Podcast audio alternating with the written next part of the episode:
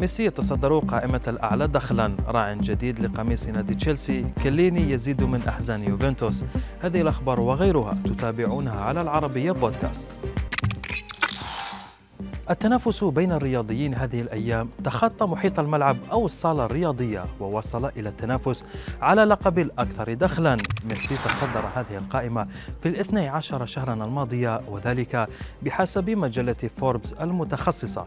العائدات المالية للنجم الأرجنتيني وصلت إلى نحو 130 مليون دولار متبوعا بلاعب كرة السلة الأمريكي ليبرون جيمس الذي حقق دخلا سنويا بلغ 121 مليون دولار. في محل نجم البرتغالي كريستيانو ثالثا ب 115 مليون دولار. بعد بيعه لمستثمر أمريكي أعلن نادي تشيلسي الإنجليزي توصله لاتفاق مع راع جديد لقميصه في صفقة ستنعش خزائن البلوز بمبلغ 20 مليون pound سنويا. وسي...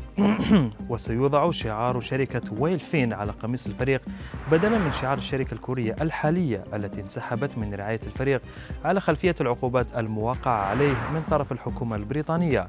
ويسعى مالك تشيلسي الجديد لتدارك بعض الخسائر الناتجة عن هذه العقوبات. بإبرام صفقات رعاية جديدة.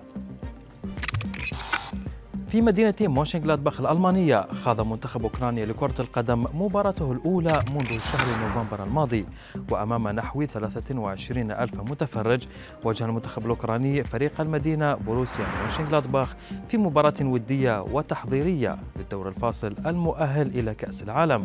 وارتدى لاعبو الفريقين قمصانا حملت اسم أوكرانيا بدلا من أسماء اللاعبين. واستطاع الفريق الأوكراني أن يفرح جماهيره على الأقل بتسجيله هدف الفوز في الدقيقة الدقيقة الثانية والثمانين.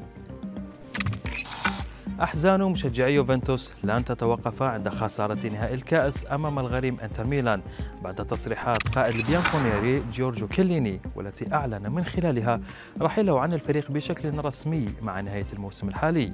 وستكون مباراة الفريق المقبلة أمام لاتسيو هي الأخيرة لكيليني على ملعب آليان ستاديوم. وكان صخرة الدفاع الإيطالي قد اعتذر للجماهير بعد الخسارة مضيفا بأن الخروج بموسم صفري ليس الطريقة المثالية لتوديع جماهير اليوفي بعد 16 عاما قضاها بين جدران النادي.